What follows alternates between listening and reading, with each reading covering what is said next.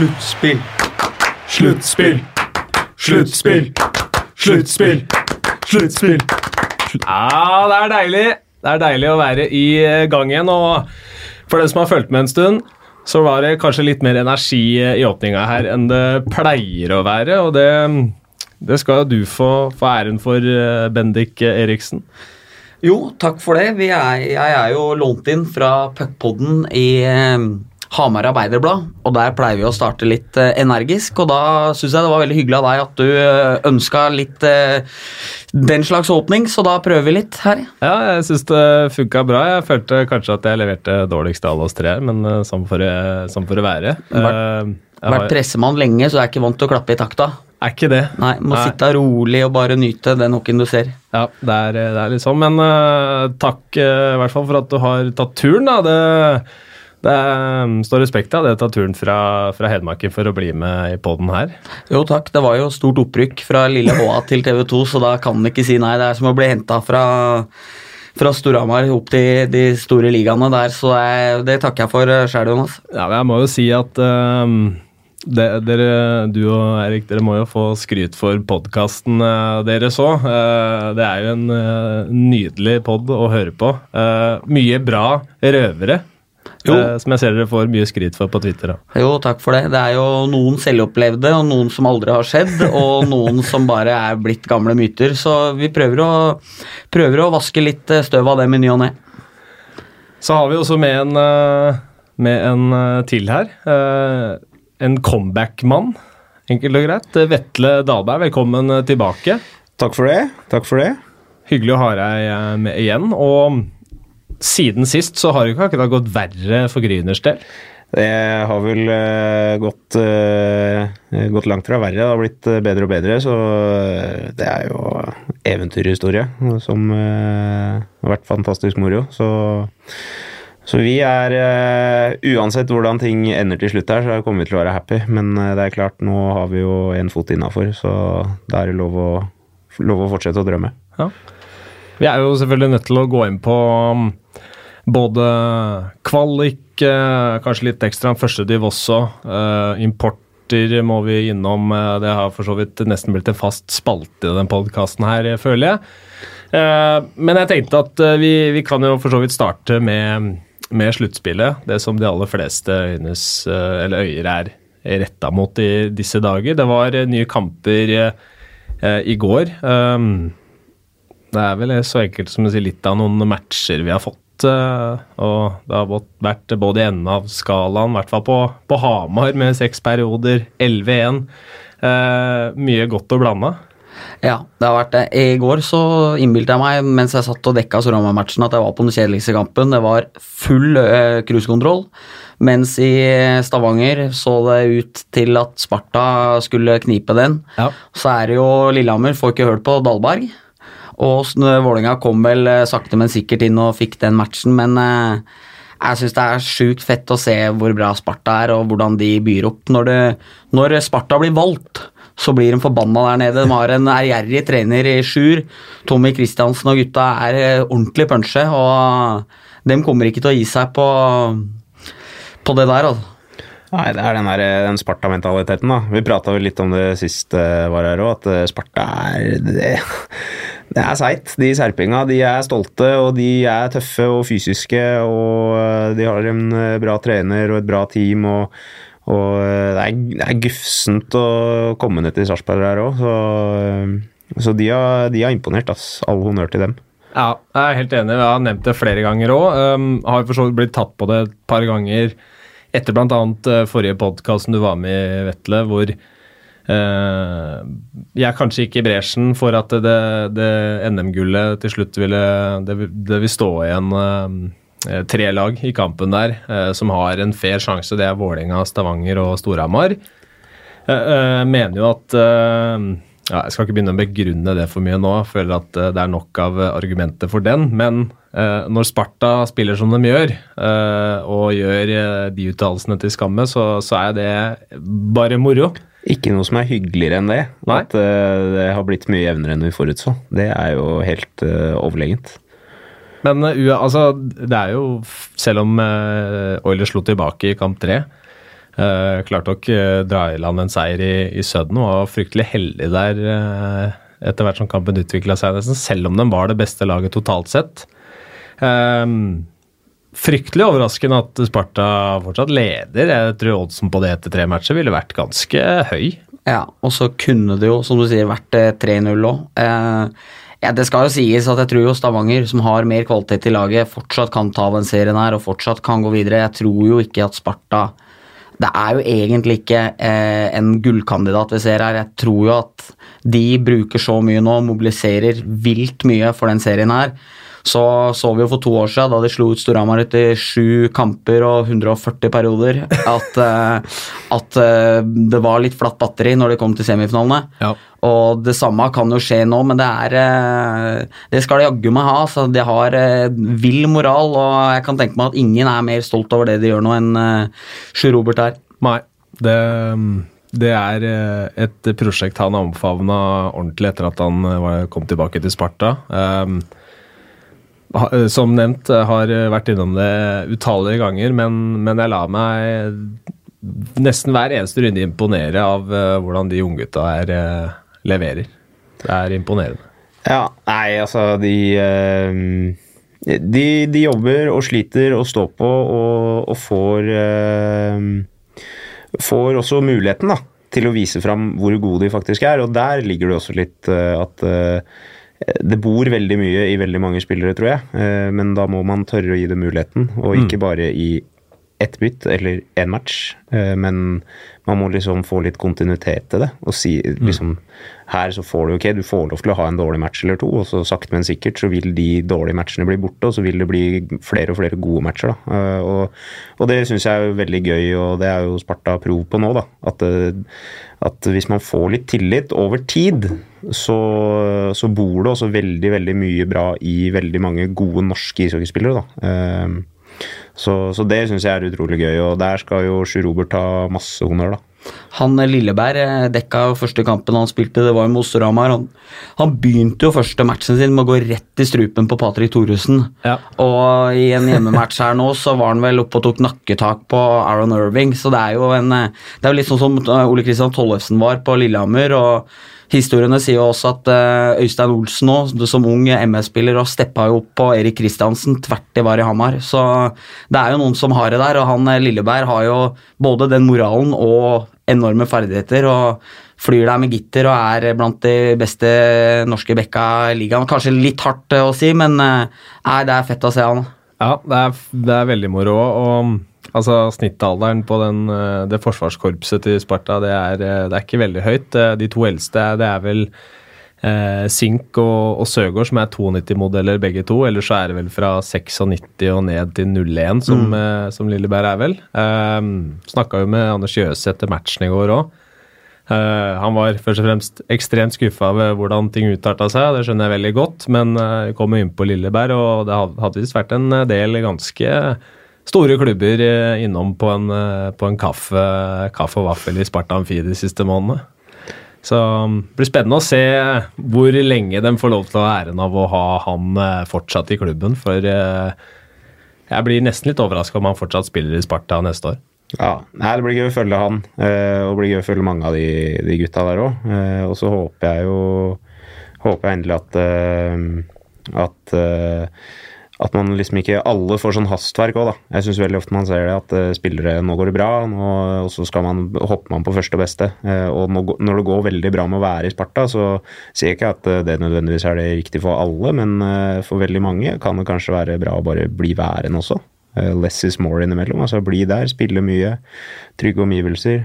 Gutta, gutta er 16-17-18 år, altså. De har ikke, tatt av det der Har ikke tatt av gitteret ennå engang, så Eh, så innimellom så, så, tror jeg kanskje det kan være smart å ha litt is i magen òg, for veldig mange. Og så er det selvfølgelig noen har godt av å komme seg ut òg, men, eh, men uh, ja, det er ikke alltid Man kan bli en god hockeyspiller i Norge òg, det har vi sett på han, han som spiller over dammen, blant annet. Han, han dro liksom ikke når han var 16, han.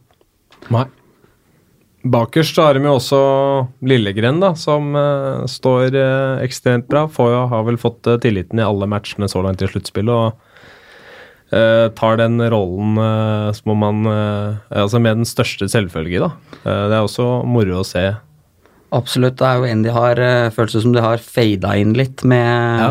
med Samuel Ward, som var fø- førstekeeper tidligere, og så har han sakte, men sikkert delt og delt og delt, og nå er jo Lillegren bedre, så det er moro å se. Men uh, altså, ja, når vi er inne på keepere, så er det jo en mann som stjal showet til slutt i DNB Arena i går. og eh, jeg, var inne på det innledningsvis i matchen. Jeg var jo så heldig at jeg fikk kommentere den. eh, At er det en mann som pleier å stå fram når Oilers må i sluttspillet, så har det vært Henrik Holm. Han har blitt kasta inn innimellom og, og stått som en gud. Og den redninga han hadde det var vel fem-seks minutter før, eh, før fulltid eh, i går. Herregud. Jeg hadde trukket pusten og hadde Håkon Innseth Stormli i kjeften. Og så blir det ikke mål. Jeg skjønte ingenting. Jeg måtte bare skrike et eller annet, fordi den hadde jeg aldri trodd han kom til å redde.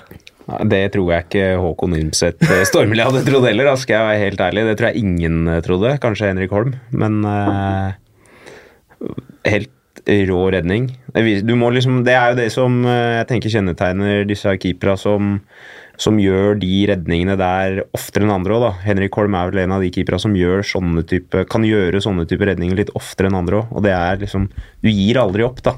Du, du gir ikke opp før det er dømt mål, liksom. Og, og øh, Nei, det er øh, Altså Det er sinnssyk redning. Ja. Knolla hadde jo henda over huet og stå og hoppa bak mål, og så må han bare nesten i fosterstilling og at den ikke går inn. Jeg må si jeg føler med litt med Imset Stormli på det, men det kan jo fort bli et uh, vendepunkt for hele serien, den redninga der. Mm, absolutt. Så var det jo en, eh, en liten kontrovers eh, på tampen der òg, når avgjørelsen kom. Jeg vet ikke om dere fikk med dere den? jeg. Håndpass er det enkelte som, eh, som vil ha det til. Eh, Fra Lane til Moldin. Eh, Pucken spretter ganske høyt. Veldig tydelig på videobildene at Lane gjør et eller annet med armen, en bevegelse. Plutselig så spretter pucken litt sånn rart eh, med vinkelen eh, mot eh, Moldin. Um, ut ifra videobildene så er det umulig å se om den treffer hånda eller armen. Eh, Spartas trenerteam var soleklare på det. De er selvfølgelig så frustrert som man kan bli etter en sånn match. eh, hvor man er på god vei mot eh, nok en seier. Um, men det er vel Den situasjonen der er vel litt som eh, med hens eh, spørsmål i fotball. eh, det med forsett eller ikke. Eh, for Lane, han Eh, prøver vel helt sikkert å slå ned til seg sjøl. Den ender hos Moldin, men eh, han gjør en bevegelse med forsett, med vilje. Det er bevisst handling. Eh, eh, har jo for så vidt eh, vært i kontakt med forbundet også, som sendte spørsmålet videre til SHL. Uh, og Der ble det konkludert med uh, at uh, dem ville ikke blåst for, eh, for håndpass. Så Sånn sett eh, lett å forstå frustrasjonen til Sparta, men, eh, men dommerne ble backa der, og dommeren hadde vel, eh, en av dommerne på isen hadde vel ganske bra eh, vinkel der òg, tror jeg. Så Men det er vel eh, aldri en sluttspillkamp uten litt dommerfokus, eh, Menik. Nei, det er ikke det. det er, øh, men når øh, Frisk ikke fikk den Sudden-seieren på Hamar i fjor med Ja. den som gikk via armen til han uh, TJ Foster Stemmer. Når uh, dommerne konkluderte med at det var med forsett, der skuddet går i 130 km og treffer han og går over Østlund og i mål, Ja. så har jeg gitt opp den hens-regelen i fotball, nei, ishockey, at uh, det er umulig å si hva som er med vilje eller ikke. Det går ofte så fort at du, du rekker liksom ikke å gjøre noen ting. og så jeg, nå har ikke jeg sett den, eh, nå har ikke jeg studert den her, men eh, man blir jo ikke klok på det her heller. Nei, jeg blei litt sånn tatt på senga her òg, da, fordi vi, vi hadde jo eh, ikke litt, men en del teknisk trøbbel i DNB Arena i går. Eh, Og seigt i går. Å, fy fader. Eh, Deilig mandagskveld på jobb, det der. ja, det var fryktelig. Og liksom når du har eh, Ting eh, begynner å skje, eh, klimakset kommer, målet din scorer, DNB Arena eksploderer. Da kutter faen meg lydboksen. Det er kult. Og kommer tilbake når de deler ut eh, bestemannspremier. Som ikke, eh, du kan ikke være helt i 100 da heller. Mens i Hamar skjønte jeg det var ekko, sånn at Ja. det hørtes ut som det var to gubber som stod, skrek og gælja fra andre sida. Ja, jeg hadde det litt, eh, jeg jeg også. Jeg tror jeg fikk et sånn 20-30 meldinger fra folk i går Ja. om at det var et eller annet. Og det er, det er fryktelig synd at det skjer. Det er vanskelig for dem som sitter og kommenterer å gjøre noe med. og uh, Virka som det var flere som hadde problemer, så det er selvfølgelig veldig synd. Eh, jeg håper Det er eh, kanskje litt større innkjøringsproblemer med den nye teknikken og flere kameraer enn det TV 2 hadde håpa på. Eh, men jeg får håpe bare at folk eh, klarer å, å se at eh, at det gjøres for at produktet skal bli bedre på sikt. Uh, selvfølgelig jævlig kjipt at det skjer, i hvert fall i sluttspillet. Uh, men sånn er det. Så får uh, vi kommentatorer bli skyteskiver. Uh, jeg tror jeg for så vidt jeg har det ganske lett i i forhold til Remi Taule innimellom. Jeg blir imponert over han. Ja. Ja, Jeg var jo inne på det når Skjelbæk eh, og Follestad var her sist også. Eh, at eh, eh, Remi han, eh, han har måttet tåle mye frustrerte fans opp igjennom. Um, og fotballfansen er visst hakket verre enn hockeyfansen også. Og særlig Liverpool. Ja. Var det ikke det? Var ikke det? jo, det var vel Og det. flytta en Liverpool-match der. Ja, det, ja, da ja. rant det over. Ja, det var visst det. Um, vi uh, får, uh, får gi vår støtte til Taule, da. Det føler med en. Uh, det er vel, eh, som jeg sa, personifiseringen av Kill the Messenger. Sånn er det. Men um, ja, litt mer om kanskje Lillehammer Frisk-serien nå. Det har vært sudden hver match. Lillehammer som pøsa i mål hele seriespillet, har fått helt stopp nå. I går var det vel 55 skudd eh, og klarte å pirke inn én på Dalberg. Og det er eh, Jeg veit ikke helt hva som skjer med det, men det er eh, det er jo litt lillehammersk, da, forutenom eh, kanskje de siste par-tre åra nå, at jo litt, litt mer forventninger. Så er det plutselig blir det litt trøblete der, og så begynner det å ryke på. Jeg skjønte at i Askerhallen hadde vel vært ganske mye bedre spillemessig, men også der trøbla, da. Men de, de kan jo ikke fortsette sånn her i evig tid, for da holder det med to ufortjente tap til, og så er de ute. Så de må jo få snudd det her ganske asap. Og skylde på dommeravgjørelser i kamp 1 og holde på, det, er liksom, det gir deg ingenting. Men eh, de har jo nok kvalitet i laget sitt til å egentlig skulle være et lite snepp bedre enn Frisk, mener jeg, da. Så de får rett og slett eh, begynne å score. Det er så enkelt. De har så mye ferdigheter offensivt at eh, å drive og gå av matcha med stolpe, det er de for bra til. Ja, så, så er det jo ofte litt sånn nå, da, at eh, man ser jo ofte at målesnittet dropper jo litt i sluttspillet veldig ofte òg. og det kommer litt av at sånn som Frisk nå, ok, nå skal vi ha Lillehammer i potensielt sju matcher. da. Setter du deg veldig inn i hvordan Lillehammer spiller. Eh, og det blir jo det, altså, det er lettere for en coach da, å gå inn og endre på det defensive og si at eh, sånn her kan vi forsvare oss, enn sånn her kan vi angripe mot det laget. da. Så det er det som er litt sånn skummelt, tenker jeg, da, med lag som er veldig veldig gode offensivt. Når man kommer til et sluttspill, så er det lettere å ta ut de offensive spillerne når du på en måte møter et lag eh, dag etter dag etter dag. da. Fordi da kan du se på video, og du, du veit hvordan de spiller, du veit hvordan, disse offensiv, hvordan det offensive spillet funker, da, og kan legge en defensiv strategi mot det. Så det er på en måte, som coach da, så er det lettere å gå inn og justere på det defensive eh, og på en måte skru om krana. Eh, så, så det føler jeg kanskje at man ser litt òg, da. Og Frisk er jo De har jo hatt, selv om de har, har fått, eh, fått nytt liv på trenersida i år, så har de jo en sånn derre iboende defensiv greie som ligger der etter mange mange år, så gutta veit hvordan man skal spille forsvarsspill. Um, så, så det syns jeg jo også, selv om jeg skal ikke si at uh, altså Lillehammer har vært det ledende laget i, i de matcha jeg har sett. Jeg, og det jeg har sett fra den serien, så syns jeg Lillehammer har vært det ledende laget. Men, men det er forskjell på altså 55 skudd uh, er ikke nødvendigvis 55 skudd hele tida. Det, det er litt med hvordan kommer dem, eh, hvor mye, hvor mye er di- tvers over pass og direkteskudd kontra håndleddskudd eh, med fri sikt og sånne ting. Jeg sier ikke at Dalberg det, Dahlberg har fått 55 enkle i, pitabrødet hver eneste gang, men, men, men eh, det er lettere å, å gå inn og coache på det defensive da, og, og vri om krana. Det ser man veldig ofte i sluttspill, fordi at du møter det samme laget gang på gang på gang. Eh, og da kan coacha gå inn og så ser dem ok, det offensive systemet deres er sånn og sånn. Eh, da må vi spille sånn og sånn. Eh, Og så har jo Frisk, etter at de sparka han treneren som sto med armene i kors, så har de jo fått inn Aasland her, som har, de har ligget midt på tabellen. De har ikke kunnet gått særlig mye opp eller ned.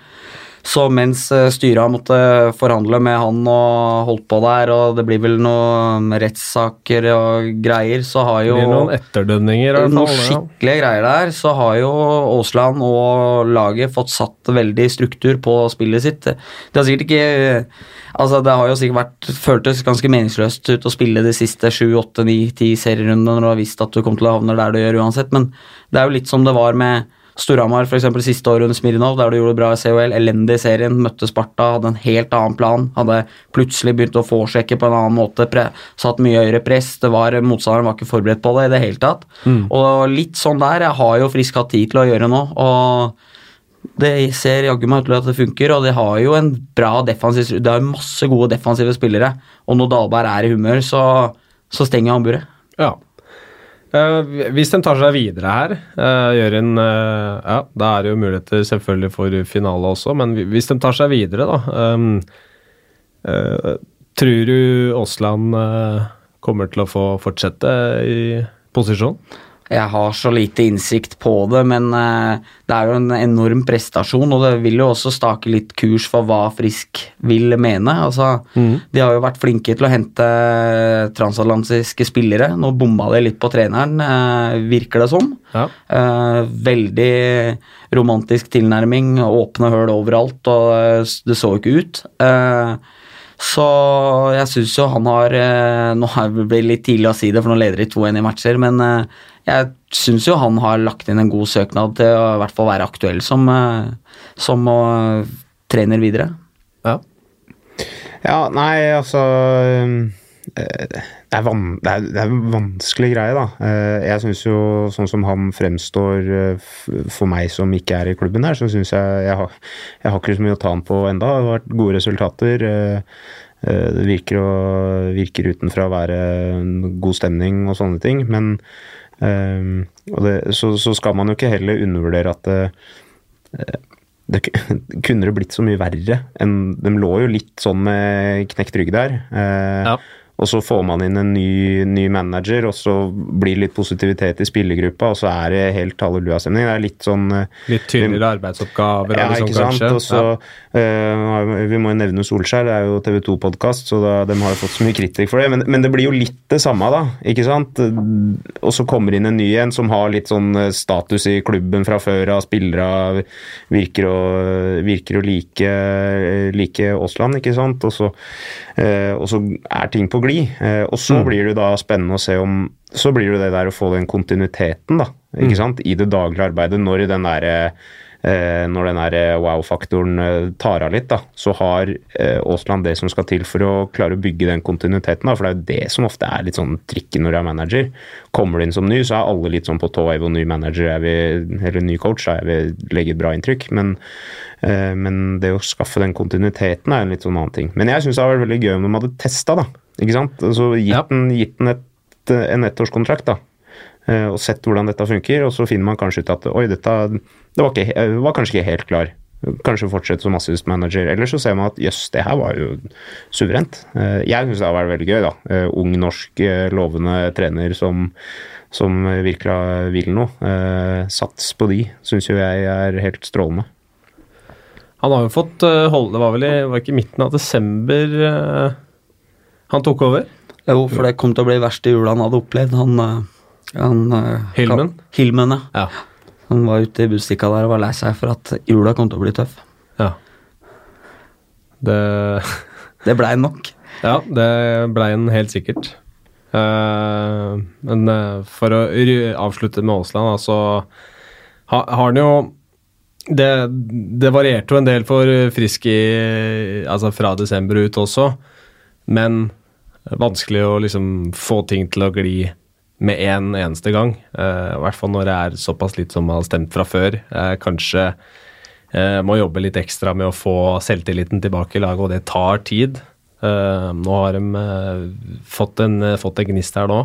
et potensielt avansement vil nok bare gjøre dem enda mer sultne. Og det er jo mange, mange bra spillere i det laget. Det er ja. ingen tvil om. Ja, absolutt. Og så sleit de vel litt med skader på høsten, og så fikk de tilbake noen av utlendingene. Lystad Jacobsen. Så fikk de inn både Bjørkung og Hampus ja. Gustavsson, som er to kanongode spillere. Ja, så det er jo et litt annet lag òg enn, enn, hva han Hillman hadde på høsten, da. Det skal sies. Ja, det er, eh, det er også et godt poeng, eh, Bendik. Um, Storhamar-Stjernen. Uh, kanskje litt mer om dem òg, eller? Ja, det... Der er vel du best til å uttale deg av oss tre? Ja, det er vel kanskje. Det er Nei, det var Jeg syns Rama var helt fryktelige i kamp én. Kom ut, var litt breiale, tok litt lett på det. Litt sånne Altså gjorde ikke de små detaljene som skal til. Strakk det jo ut i seks perioder. Føltes Roma var egentlig aldri trua, selv om det hadde fire minutter undertall der eh, Stjernen slet nesten med å komme inn i sona til Stramar. Så ja. fikk jo Stramar den seieren, kom ut, tok grep om kamp to, kjørte over dem.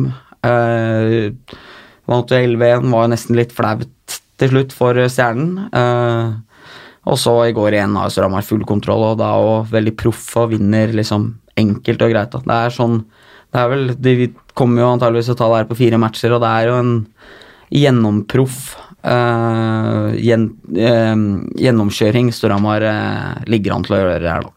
Ja. Um, jeg, må, jeg må skryte litt av han stjernesupporteren, da.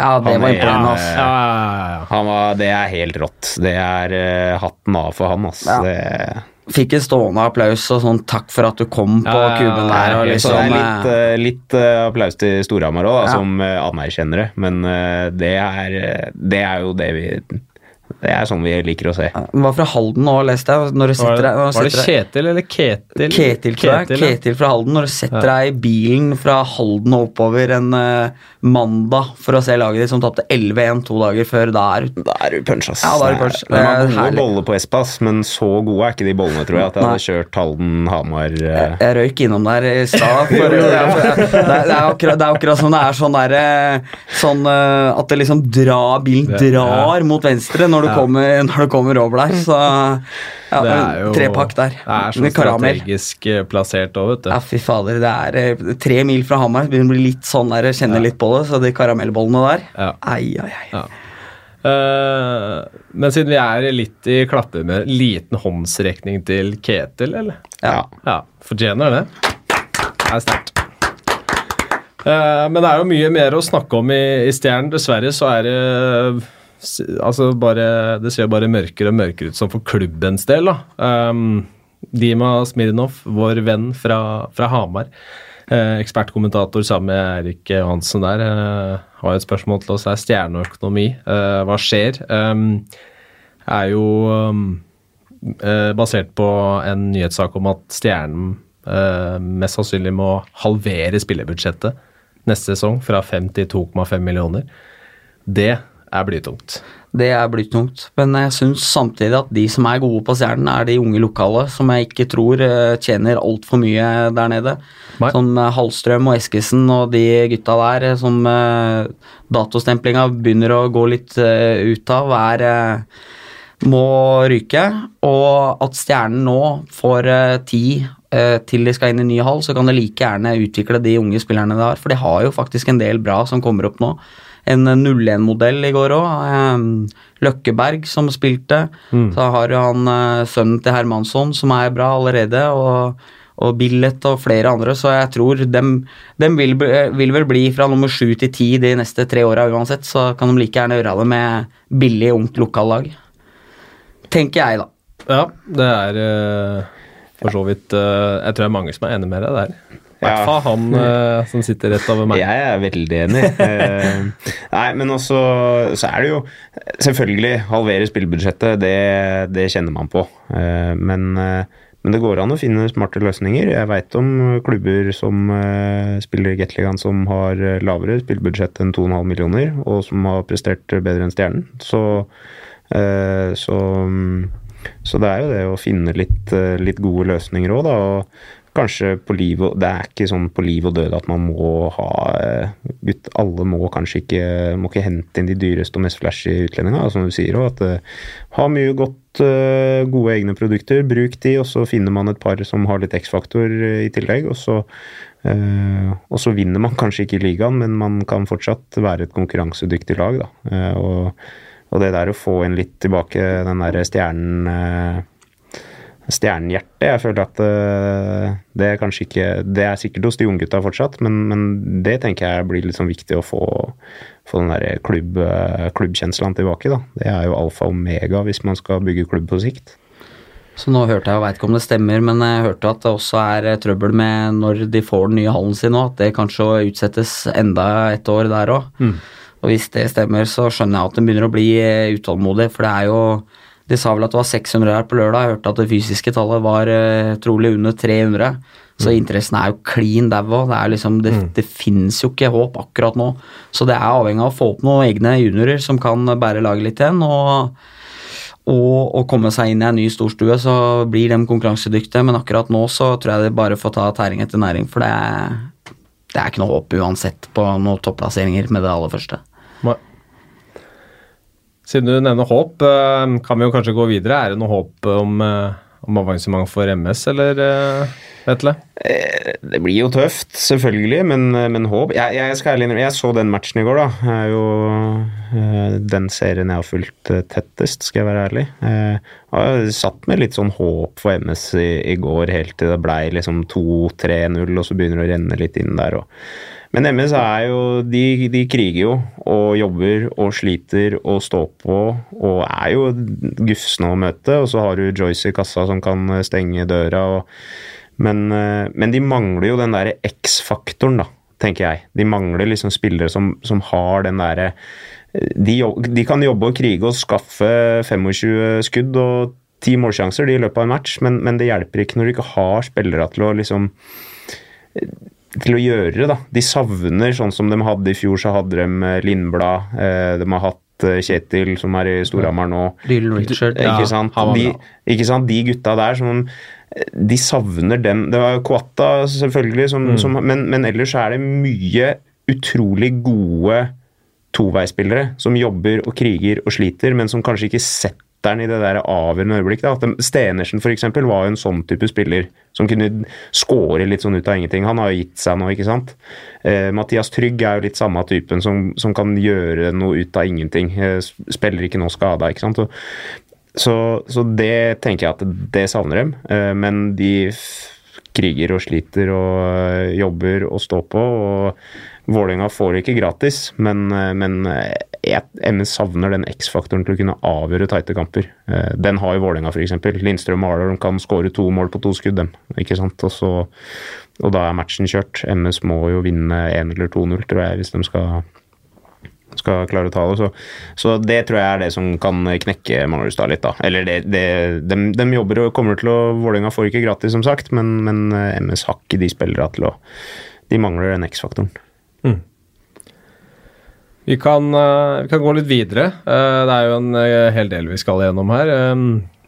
Ola Steinsløkken er en av mange som har sett inn spørsmål på Twitter her og lurer på hva dere synes om, om at det er bestemt at det blir en reduksjon i utlendingskvoten. Det er vel ned på seks til neste sesong, og så er det vel ned på fem år etter, hvis jeg har klart å lese riktig. Ja, jeg er faktisk ikke noe stor fan av det. Nei. jeg syns når du ser, eh, som vi snakka om i stad, når du ser det stjernelaget, og hvor mange ikke spesielt gode hockeyspillere de har eh, og det er, Nå er jo selvfølgelig nå har de brent noen utlendinger òg, så det, det skal, de skal ikke få det gratis.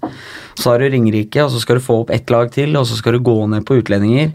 Så begynner jeg å lure litt på hvor de gode nordmennene skal være hen.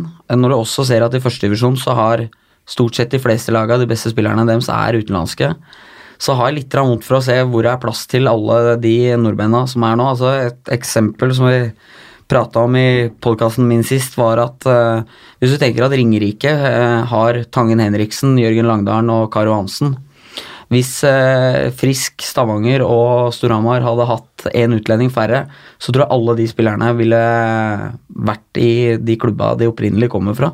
Da måtte Ringerike henta spillere mest sannsynlig fra førstedivisjon, eller brukt egne spillere som kanskje ikke har det nivået. Det er jo tre spillere som alle har forsterka et lag i bånden i, i Gateligaen. Så jeg ser liksom ikke at uh, Langtidsperspektiv kan godt hende, men jeg føler at du vil svekke ligaen betydelig. At uh, det vil bli enda flere kamper med dårligere lag. da. At gapet vil bli større, er jeg redd med, med den reduksjonen. Ja, jeg er jo i andre enden av skalaen. Jeg syns at dette er i utgangspunktet kan være positivt. Så er det litt som du nevner lang sikt, og jeg er jo litt der, da. At vi må kanskje tenke litt langsiktig på det her også. Og så tenker jeg De spillerne da, som vi snakker om, hvor skal de komme fra? Jo, det er ganske mange som Det er ganske mange gode spillere i som ikke nødvendigvis ikke Gateliga-spillere enda, men, men, som potensielt kan bli det. da, Som, som gir seg hver sesong fordi at det, det, det, kanskje ikke er den ekstra plassen da, i et lag. Og nå så tenker jeg at nå tvinger vi jo klubba da, litt mer til å velge å satse på de spillere som ikke er ferdig produkter når de er eh, ferdig som juniorspillere. Fordi at nå er vi faktisk litt mer avhengig av dem. Eh, og går man ned på, på enda en plass, så er man enda litt mer avhengig av dem. Um, og så ser jeg Altså, jeg kan forstå det argumentet som klubber som Haugesund og Narvik og Ringerike og de klubbene som på en måte ikke har junioravdelinger, da, men som ønsker å ha konkurransedyktig A-lag, bruker med at ja, men det er jo umulig for oss, for vi har ikke noen ungdomsavdeling å hente opp spillere fra. Uh, men da tenker jeg som så, da, at skal du bygge en klubb, så er ikke det et femårsprosjekt. Det er kanskje kjedelig å si det, men det er et 25-årsprosjekt. Da må du bygge opp en solid junioravdeling. Begynne, det er litt som å bygge et hus. da. Vi må begynne med grunnmuren. Vi kan ikke begynne å, skaffe interiør med sofa og henge og bilder og det der. ikke sant? Vi må begynne å bygge huset, og så kan vi begynne å eh, Og det er litt samme som en, eh, med en, eh, med en ishockeyklubb. Jeg tenker vi kan jo ikke begynne med at uh, nå skal vi ha et A-lag som skal uh, opp og konkurrere om å vinne norgesmesterskap, og så får vi se hvordan det går med denne underavdelinga. Et sånt perspektiv tenker jeg at det vil holde i fem, seks, sju år, og så er kassa tom så er det ikke mer penger, og så har du ikke noen juniorspillere til å fylle opp med. Og så har du ikke noen medlemmer i klubben, fordi junioravdelingen din er litt sånn skakkjørt. Eh, og så var det fem, seks, sju, åtte, ni år hvor det funka litt, og så var vi ferdig. Men du må jo begynne på bånn. Eh, hvis vi ser på sånn som Stavanger, de hadde masse penger, og fortsatt. Altså, de hadde jo utrolig mye penger med, eh, med med Tore Kristiansen. Eh, men de brukte jo fortsatt jeg vet ikke, de brukte jo fort eh, hva var det, 10-11 år fra de begynte til de vant første NM-gullet sitt. Og da tenker jeg en klubb som ikke har penger, må jo i hvert fall ta høyde for at det kommer til å ta dobbelt så lang tid. Eh, så det der med at det er umulig for oss, for nå kommer ikke vi til å lykkes og vi har ikke noen underavdeling å hente spillere fra, da tenker jeg at ja, men det er jo det er helt feil. Dere må jo begynne med underavdelingen, og så kommer A-laget etter hvert. Og så skjønner jeg at det, har vi et A-lag som presterer litt resultater, så blir det litt sånn publisitet, og det er kult og øy. Men, men til syvende og sist så er det den, der, den, den, den harde jobben. da. Du må ut i barnehager og ut i skoler og få unge på hockeyskolen. Og du må øh, få fram øh, Få folk inn i hallen på skøyteskoler og på frigåing og bygge junioravdeling, og så begynner vi med et U7-lag, og neste år er de U8, og så får vi inn et nytt, så da har vi U7-8, og så blir det U7-8, U9, og så U7-8, U9, U10, ikke sant. Så, sånn, sånn bygger du en ishockeyklubb. Vi kan ikke bare si at eh, Nei, vi skaffer oss et A-lag, og så vi hente, er vi avhengig av å hente spillere utenfra. fordi før eller siden så blir kassa tom, og da må du ha juniorspillere å hente opp. Ja, jeg ser jo absolutt eh, det argumentet der, jeg òg. Jeg er jo helt enig i at på lengre sikt så er det nok det som eh, må til. Det jeg er redd for, er eh, underholdningsverdien på produktet som skal være nå. At man, at man har allerede nå, syns jeg, en utfordring med hvor gode matchene er. Altså, si for Storhamar, som jeg følger, og kampene mot 7, 8, 9, snart 10 er, eh, det er dårlig underholdning. Det er eh, mange færre folk som gidder å se på. Jeg har ikke studert noe tabell på det her, men jeg vil tro at alle topp seks-laga har ganske avvikende dårligere eh, tall når de laveste laga kommer. Jeg syns allerede nå det er en utfordring at for mange lag er litt for dårlig, og jeg er redd for at at det her vil gjøre at de blir enda svakere. Men så kan det jo være at på lengre sikt, eller det ikke bare kan være, så vil jo det være bedre for dem. Men ja, jeg er litt Jeg vet ikke om jeg liker under seks. Jeg syns det begynner å holde da, men ja. Og så kan jeg jo kaste inn en ny en. Jeg tenker at det er noe annet som hadde vært eh, gøy, da. Nå som eh, de kutter eh, antall utlendinger. Så kutt antall spillere til kamptropp òg. Kan kaste litt bensin på det bålet der. Gå ned til at det er bare lov til å skifte 18 utespillere til hver match. For jeg syns veldig ofte at det sitter to ganske gode, lovende unggutter på tribunen, nei, på benken i fullt utstyr, som er 13. løpere 7. bekk, og de kommer ikke utpå. Eh, går man til 18 spillere hver match, så er det seks, be backer og tolv forwards. Da har, da har, du, det du har. Og, så, og, da eh, går vi kanskje ned på en utlending, så det åpner en plass. Men samtidig så, eh, så går vi jo ned, på to spillere, da. Som da Jeg sier ikke at det stenger to plasser, men, men du kan i hvert fall ha med to færre spillere til hver match, da. For jeg, det, det syns jeg er en sånn uting, da, som veldig mange klubber gjør. At de, de tar med 20 spillere fordi at jeg kan ta med 20 spillere i tilfelle noen blir skada. Det er ikke så ofte noen blir skada. De fem matchene i løpet av en sesong hvor noen blir skada, så er det sikkert noen som har godt av å få den litt ekstra, de ti ekstra bytta i løpet av en match.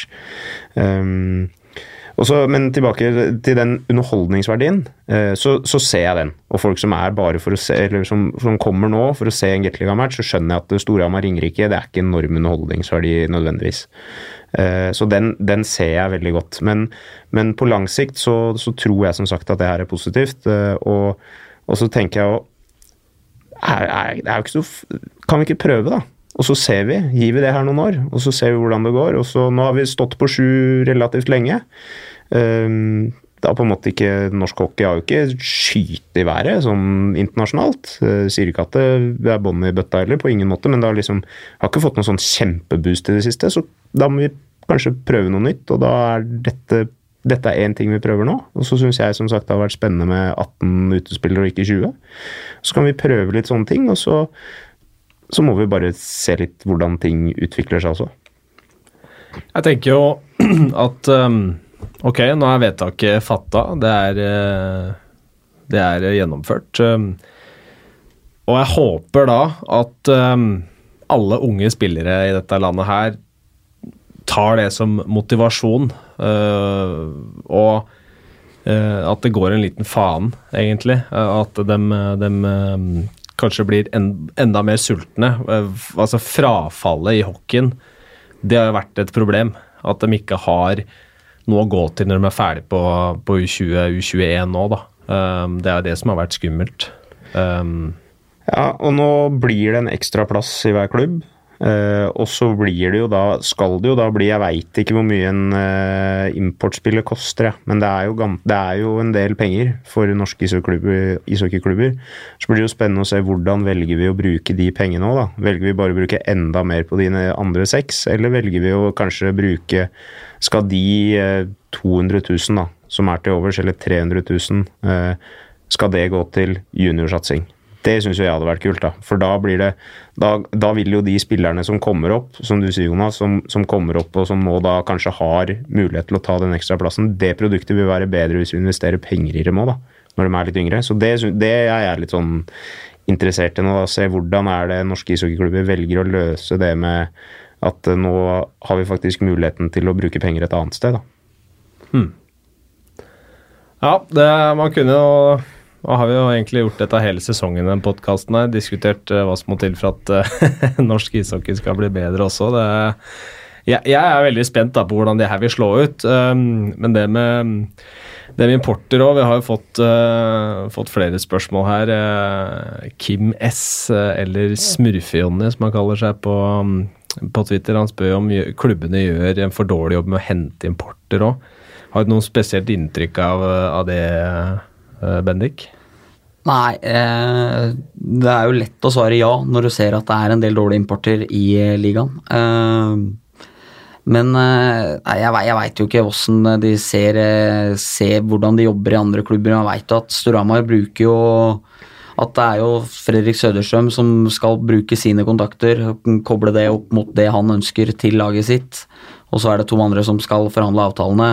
For han. Jeg vet ikke hvor mye de får scouta, hvor mye de får gjort. Jeg tror det går mye på referanser hele veien der. Jeg tror vel egentlig det bare er Higgsen som er en ordentlig sportssjef i hele ligaen, som reiser rundt og har kontroll. Jeg tror det er mye YouTube og Elite Prospects på, på de andre.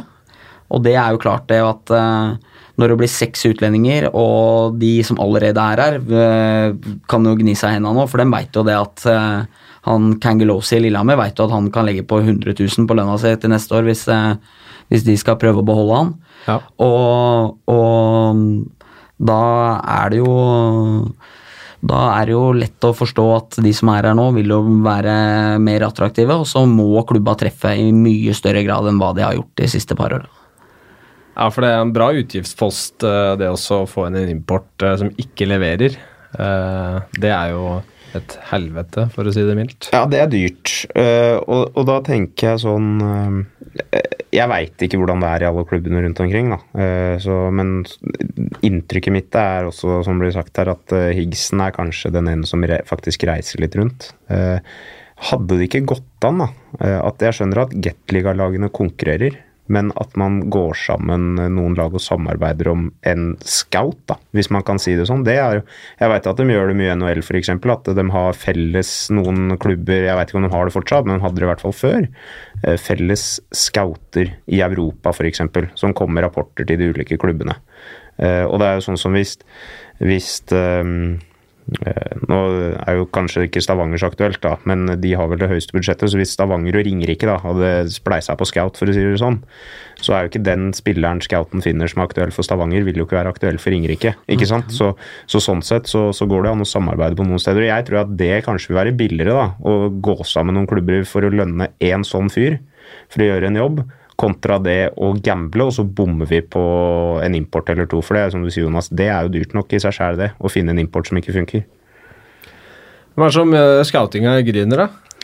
Det, det, det, jeg skal gi mye honnør til Larsen, Trond Erik, eh, som er eh, daglig leder. Så eh, den eh, Kanskje den burde ansette han. Det, det, hadde ikke vært så dumt. Uh, fordi altså uh, Må ta oss med over inn på på kvaliken her, da. Fordi mm, etter at uh, både Narvik og Gryner har møtt Ringerike, så står altså Gateligaklubben med null poeng i kvaliken. Uh, den hadde jeg ikke sett komme, skal jeg være ærlig. Um, hvordan har det vært for deg? Eh, nei, altså For meg så er det jo utrolig gøy. Eh, det er jo en sånn eventyrhistorie. Eh, det er kjempe, kjempemorsomt å være med på. Og eh, altså Vi gründer, vi er superhappy, og eh, vi har jo på en måte Vi har jo hatt et mål om å være et konkurransedyktig lag i førstedivisjon. Det har vi. Eh, vi har ikke lyst til å liksom være noen kasteball der, men, men eh, så plutselig så ser man at oi, vi kan gå til kvall, og så går vi faktisk til kvall. Og så slår vi Ringerike første match. Eh, og det var jo kø, kø nesten helt bort til Freia-fabrikken utafor Grünerhallen før match. ikke sant? Så det er jo veldig gøy, da. Eh, og at, at, det skjer ting. Og, og, så ser man da også at eh, gapet kanskje ikke er så stort som det tidligere har vært. da. Jeg, jeg, jeg tror ikke det er så ofte at Gateliga-laget har tapt de to første matchene mot to førstedivisjonslag i en sånn uh, kval. Um, og så man ser kanskje at gapet ikke er så stort, og, og det er jo også Gapet er kanskje nå Det er stort fra nummer én til nummer ni i Gateligaen, men da er det kanskje ikke så stort fra ni til én i første divisjon. Og det, det i seg selv tyder på at hockeyen kanskje har blitt jevnere, da. Ja. Eh, Nordlink 86. Eh, Nordlink, er det ikke det det står på sumosendinga fra Manglerud når sendinga der ryker? Og det tror jeg det var eh, Det irriterte meg en gang rett før jul der, så det, så det, det mener jeg å huske at det er. Ja, sterkt uh, brukernavn på Twitter i hvert fall. Jeg vet ikke hvem det er. Men uh, han har et spørsmål, uh, eller oppfølgingsspørsmål, da, får vi si. Er dere klare for, for Gateligaen? Uh, hvis, hvis det blir tilfellet? Ja, eller altså Om vi er klare, vil jo tiden vise, men, men planen er på plass. Vi har hatt da, eller det har vært styremøte og budsjettet og alt sånn er liksom Så det er i orden, så rammene er på plass. Eh, og eh, det har vært eh, prat med spillergruppa der og sånne ting. Og så er det jo klart at Gryner veit ikke hvordan det er å spille Gateligaen, men, men det, er, det, er ikke noe, det er ikke noe farlig for Gryner å rykke opp, for å si det sånn. da. Det, det kom, man kommer ikke til å gå på en smell annet enn at det kanskje blir veldig tøft sportslig. Så, så nei, vi er, vi, er, vi er, så klare som vi kan bli, går det, å, går det vel an å si.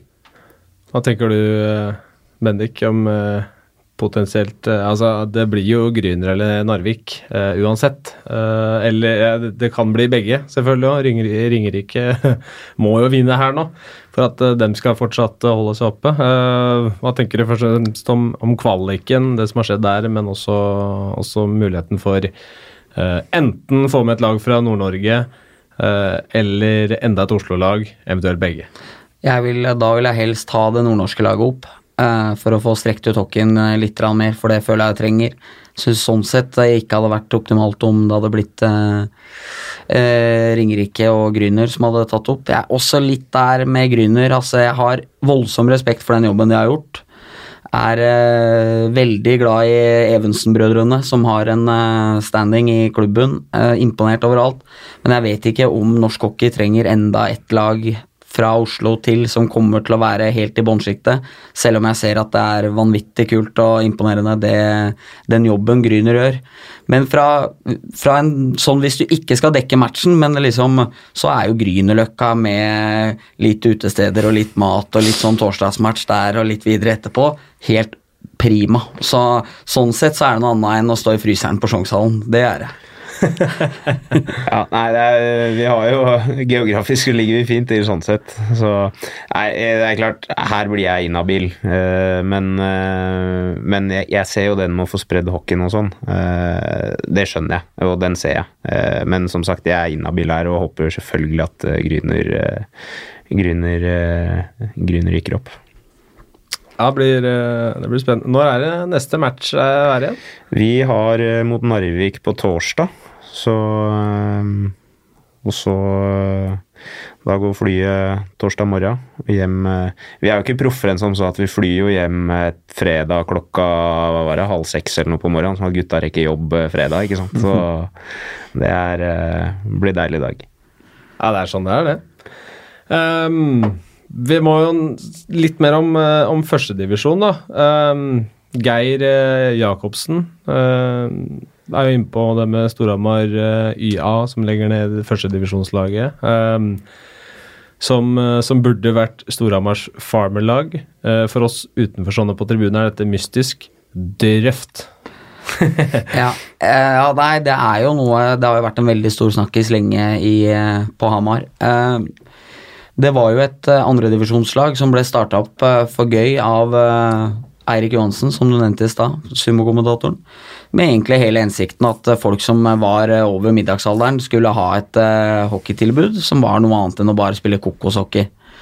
Så endte jo det med et uh, nesten litt ufrivillig opprykk i fjor. Ble raska sammen et lag som uh, ikke egentlig var i nærheten av å av å spille i førstedivisjon. Det skjønner du når jeg er mestproduserende back på det laget der. så, var, eh, så har det vært en blytung sesong for laget. To seire, har tapt uh, veldig mange matcher. Skal sies å ha spilt jevnt med Kongsvinger i tre av fire, Furuset alle fire. Eh, spillmessig ganske jevnt mot Hasle og, og litt sånne ting òg. Så Eirik Skastammen, legenden, kom inn på laget. Martin Blakseth Huse tok over til jul. Uh, kjente navn. Det begynte å bli bedre. Fikk inn eh, litt bedre spillere. Hadde jo med noen talentfulle Eirik Salsten, nei, lillebrødra til Eirik Salsten var med, eh, blant annet. Simen Løve Hansen. Så man så liksom at det begynte kanskje å kunne bli noe. Gikk på kjempeskrell i Grünerhallen, 17-2 og noe ordentlige ripper i Narvik. Men det er jo lag som viser seg å være i nærheten av Gateligaen nå. Mm. I hvert fall i bånn av Gateligaen. Så er nok det et spørsmål, sånn som jeg prata med Lars Erik Esbråten her om dagen, der han sier at uh, hvis han hadde vært ferdig nå, så ville jo Hvis han ikke får kontrakt nå, så ville det vært veldig aktuelt for han å spille på det laget i første divisjon, da, for matcharenaen er såpass bra, det er såpass seriøst at det ville gitt han noe, sammen med Skadestammen. Du ville fått opp et 99-kull som snart er eh, omme. Som eh, jeg mener da at Storhamar skusler bort en veldig bra mulighet til å få en kanonmye bedre kamparena for de spillerne som per dags dato sitter på tribuna eller eh, er 13. løper og 8. back, liksom. Er det Nå skyter jeg fra hofta, for nå veit jeg ikke jeg kan, Så nå spør jeg bare. Det, har det vært noe aktuelt å gå inn i noe samarbeid med en annen førstevisjonsklubb? Jeg tenker Gjøvik ligger jo ikke så langt unna, eh, for eksempel, da. Ja, det, det var det for eh, to år siden for Storhamar, men da tapte de anbudet mot uh, Lillehammer. Ja. Så det var Lillehammer som fikk den avtalen. Så det, det er òg litt mystisk, fordi de lånte ut Jonas Strand, som er andremålvakt nå, som hadde kjempeutbytte av en sesong på Gjøvik. Og, og, det var veldig aktuelt, men når du liksom fikk laget i bakgården eh, sjøl, så blei det treningstider ni til ti, ti to ganger i uka. Veldig lite, egentlig litt lite hjelp eh, opp og ned. Og så hadde du en spillerstamme som var altfor dårlig, så det som tanken min har vært, er jo at sånne spillere som meg og Eirik Johansen og sånn, sakte, men sikkert ville blitt fada ut. Og, og, at de som er 20 år, som akkurat ikke kommer inn på A-laget, de skulle da slippe å måtte reise til Gjøvik, som jo faktisk slo en match, eh, for å spille der. Det var liksom håpet mitt, da, men eh, sånn blei det ikke. Og da blir det kanskje en andredivisjonssesong til neste år, eller så er det en del eh, over middagshøyden hockeyspillere som ikke har noe særlig tilbud lenger. Og det er litt kjedelig for en liten by som Hamar at det blir sånn. Jeg syns du, syns du det er uh, kritikkverdig av klubben sånn sett at uh, det ikke uh, legges bedre til rette da, for at uh, førstedivisjonslaget da skal være en utviklingsarena for, for disse som er i mellomsjiktet? Ja, men jeg tror det var litt sånn Det var allerede da de rykka opp, så var så, Eller da laget gikk opp, så var det ikke noe spesielt positivt til det. Så jeg tror det har vært litt sånn lett å bare dytte det litt imellom, og så har det gått ned mellom blokkene egentlig begge veier. Og jeg syns jo det er synd at de ikke har tatt litt bedre vare på den, eh, på den muligheten. Det er jo Når Storhamar har spillere utafor stallen sin nå, som de har litt for ofte, så kunne dem også ha vært med og bidratt der. Og, og ikke bare for laget sin skyld, men for spillerne sin skyld òg. For du har jo sett Eirik Skastammen har jo kommet der, og altså, har ikke, han har jo et ca. et halvt poeng i snitt, eller hva det er. Det er ikke mm. noe lekestue for noen, så jeg hadde nok håpa det. Ja, nei, jeg veit bare um, Ha et førstevisjonslag på Hamar hadde jo vært uh, suverent, tenker jeg. Uh, men samtidig så Det krever en del da, å drifte et førstevisjonslag for en klubb som også har et Gateliga-lag. Så fra sånn Jeg er jo Kan jo ta klubbperspektivet, så kan jeg se at det kanskje kan være litt sånn krevende òg. Um, men uh, selvfølgelig, optimalt så hadde det jo vært å ha et eh, farmerlag da, mm. uh, med, med, unge, sultne spillere. Men jeg skal bare forsvare kanskje klubben lite grann. Da. Så, så det, et førstedivisjonslag. Det er som, ikke sant, Skadestammen snitta 0,5 i poeng, eller noe, så førstedivisjon er liksom ikke bare møte opp lenger. Og, og, det er det ikke med alt rundt heller, da. Det er krevende å drive en førstedivisjonsklubb, det veit jeg alt om. Jeg jobber i en uh, sjæl, så, så det er liksom det, det krever litt, det òg, eh, hvis man skal forsvare klubben litt. Men jeg er jo helt enig med deg at eh, å ha et førstevisjonstilbud på Hamar jeg hadde jo vært det beste for hele klubben. Hvis det hadde latt seg gjøre, da. Mm. Det er um, uh, Forbundet har vel også gått ut med at de ønsker å, å redusere antall lag i, i førstedivisjon på sikt. Uh, hva tenker du om det? Ehm, jeg tenker at det kanskje kan eh, Der også så tror jeg vi må gi det litt tid, fordi da andredivisjon har jo ikke sånn veldig høy standing i norsk ishockey per nå. Eh, men jeg tror at på sikt, hvis du har åtte lag i førstedivisjon, så, så vil jo da de to dårligste naturlig falle ned til annendivisjon, som da vil heve annendivisjon, og det vil heve førstedivisjon, fordi at du slipper de der eh, du slipper de ikke for å være stygg, men du slipper de 17-2-matcha i Grünerhallen, da. Ikke sant? Som Det kan skje, kan skje uansett, det, altså. Men, men, eh, så målet må jo være å få heva også andredivisjon, sånn at andredivisjon kan være en utviklingsarena også, på sikt, ikke sant. Men det blir jo langt fram i tid. Men jeg tenker det er spennende forslag, da. Igjen, vi prøver ikke, så veit vi ikke hvordan det blir. så jeg syns også det virker som et uh, spennende tiltak, så jeg syns forbundet er innpå mye, mye smart der. Hmm. Uh, spørsmål til deg igjen her, uh, Eriksen.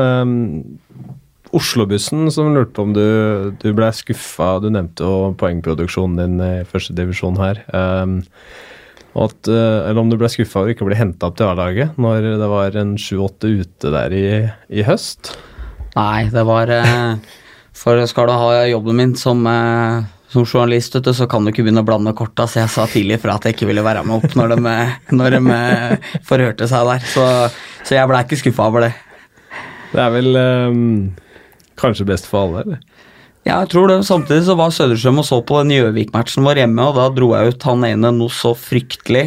Skøyt over, fikk igjen pucken, kjørte et lite slagskudd ned i samme hjørne der og jubla opp opp til Søderstrøm. Så, så med fire på ryggen, med nummeret til Cody Curran eh, der, så tror jeg han liksom tenkte at han hadde sett det der i den hallen før, da. Ja. Apropos Curran nå, for femte gang med på ukens lag i SHL. Nei, det er helt sinnssykt. Han var eh, er vel kanskje den mest dominerende spilleren som noensinne har spilt i Norge i en enkeltsesong, og går rett videre og gjør tipset til eh, Follestad til skamme. Det er, eh, det er sterkt, det han gjør, altså. Herregud. Jeg syns jeg har sett eh, Erik bli tagga i, i noen current tweets uh, jevnt og trutt gjennom hele sesongen. Folk gir seg ikke på det der. Nei, det, man glemmer ikke, ikke sånt. Um, men uh, ja, uansett uh, ja, Helt til slutt her, da, Erik Eriksen. Um, det, som jeg var inne på innledningsvis, da, så har det vært mye røvere i denne podkasten deres. Eh, du har jo hatt lang reisevei og god tenketid her nå. Eh, har du noe å komme med til oss eh, her, eller? Nå ja, jeg tenkte at jeg, jeg, kan prøve en som jeg dro tidlig i puckpoden, i og med at det her er mye større og det, du slår ut litt til flere.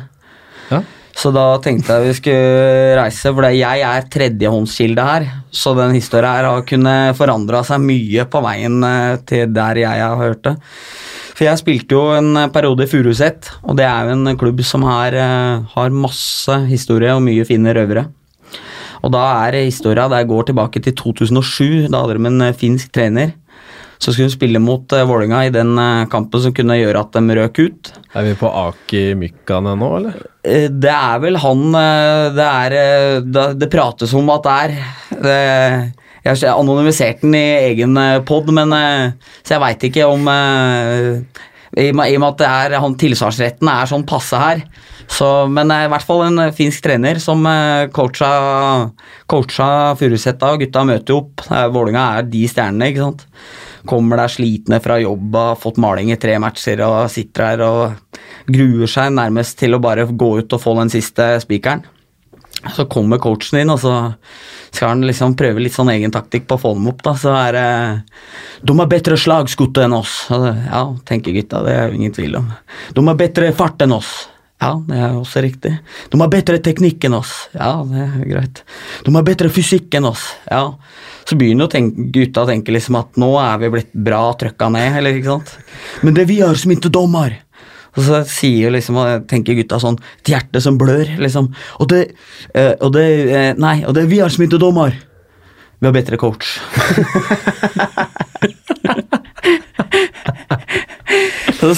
Sagd hele laget i to og hyller deg sjøl, så slo han igjen døra og gikk ut.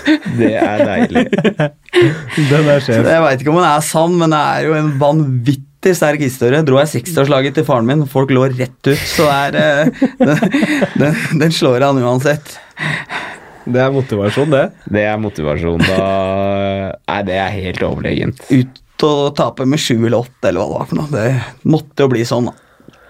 Ja, det var jo noen tunge kvelder for Furuset uh, for noen år siden òg. Det er vel fortsatt. Eh, ja. Ja. Det, Vi har vel ikke klart helt å finne gnisten uh, tilbake der. Nei, det er jo eh, Det er litt trist, da. Eh, Jeg sier ikke at alle lag skal være Gateliga-klubber, men det hadde vært gøy. Furuset er jo liksom litt sånn stolt og tradisjonsrik klubb, egentlig. Så eh, det hadde vært gøy om de også kunne bite litt fra seg i første divisjon, da. Det syns jeg jo. Men, men det er klart, nå ligger de jo det er, det er jo en del konkurransedyktige lag i Oslo nå også, da. Eh, med tanke på at du har Hasleløren, og du har Gryner, og du har Manglerstad, du har Vålerenga. Altså Lørenskog satser jo som, som F nå, så jeg kan jo se for meg at jeg, jeg har fått litt inntrykk at eh, noen kanskje har valgt å spille i Lørenskog istedenfor Furuset òg, hvor det er litt mer ordna forhold og sånn. Så konkurransen er tøff, ass. Ja, det er det. Um, det er jo ikke um, ukjent at det er sånn sett en fordel for hockeyklubbene som ligger i Oslo-området òg, uh, fordi det er uh, i gåseøyne lettere å få tak i spillere, uh, fordi det er mange flere hockeyspillere i, i området der. Um, men hvis Gryner eh, skal opp, da, Vetle, så tenker jeg at det kanskje holder med Oslo-klubber sånn sett. da. Eller uttrykket 'trikkeligaen' er jo kjent for, for mange. Ja, Nei, så det er klart Det er jo ikke, det er jo ikke ideelt for Hockey-Norge å, å, ha tre klubber, tre Oslo-klubber, uh, av ti da, i Gateligaen. Uh, den ser jo jeg òg. Eh, men, men er, Oslo er en stor by. Det er jo sammen med Bergen. Vi trenger ikke å touche den der, men det er jo sammen med Bergen liksom de to litt sånn ordentlig stor-storbyene vi har. da.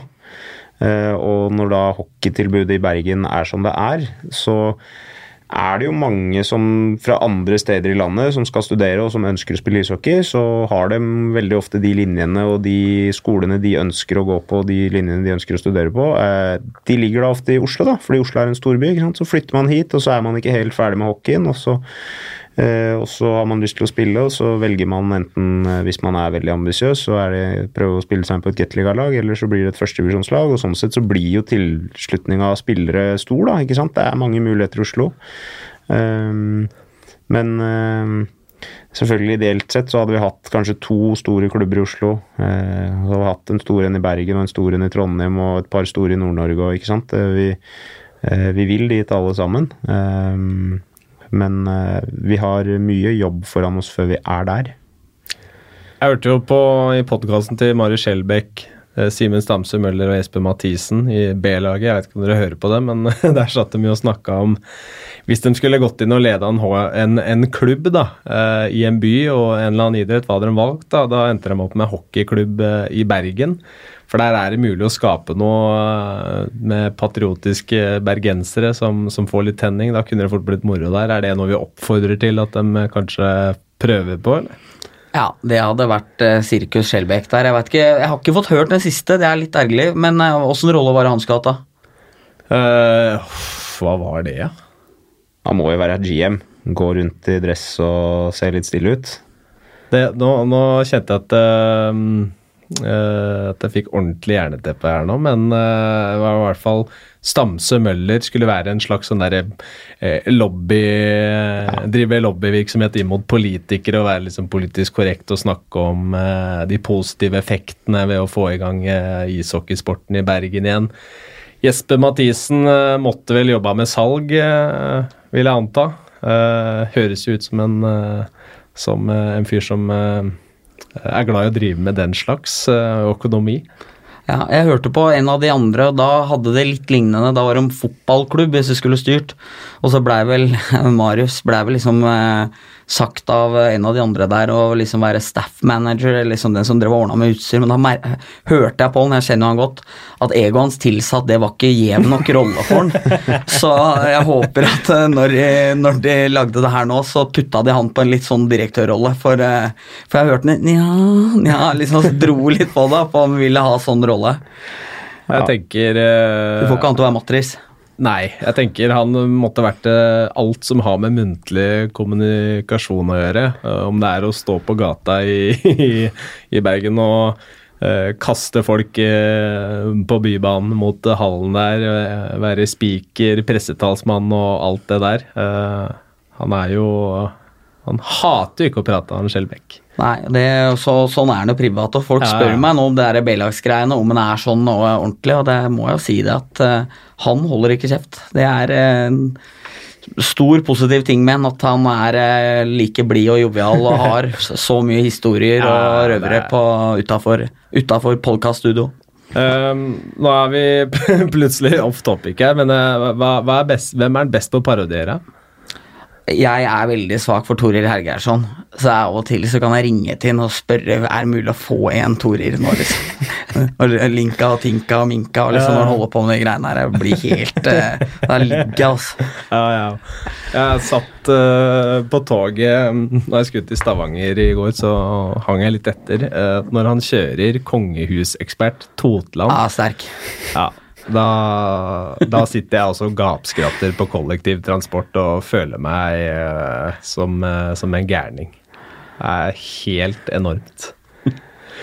Men uh, boys, det har vært hyggelig det her. Jeg tenker om vi kanskje skal avslutte uh, litt der hvor vi starta, da, med, med sluttspillet. Uh, tør vi komme med noen spådommer her nå, om hvordan disse kvartfinaliseriene ender til slutt? Jeg kjører Storhamar, Vålerenga, Lillehammer og Sparta. Ja, da er jeg nesten lik. Jeg kjører Storhamar, Vålerenga, Lillehammer og Stavanger kvaliken. Uh, du har kanskje ikke så veldig lyst til å uttale deg om den, ser jeg, men uh... Nei, altså Jeg kan ikke si annet enn Gryner, så det blir Gryner og Narvik. Jeg sa vel egentlig at jeg ikke ville ha opp Grüner, men når jeg begynner å tenke å sitte nede i styrkerommet nederst i hjørnet i Sjongshallen der i 15 kuldegrader, så frister det kanskje litt mer med Grünerløkka og Narvik. Så fra en, fra en, litt bedagelig journalist så tror jeg vi kjører de to. ja, den er, den er, god. Vi får se hvordan det ender. Det, det kommer jo matcher tett som hagl her, og det er, det er den beste tida på året, dette her. Eh, men eh, da er det ekstra hyggelig at dere tar dere tid til å komme inn i podkaststudio her med meg. Uh, Bendik, takk for at du tok uh, turen fra Hamar. Det var veldig hyggelig å ha deg med. Tusen takk for at jeg fikk komme. Og Dalberg, uh, takk til deg også for at du blei med igjen. Takk for det. Hyggelig å være her. Og takk til alle dere som har lytta på episoden. Kom gjerne med tilbakemeldinger, innspill eventuelt, til neste episode som kommer om et par uker. Og fram til da så er det bare å kose seg med matcher.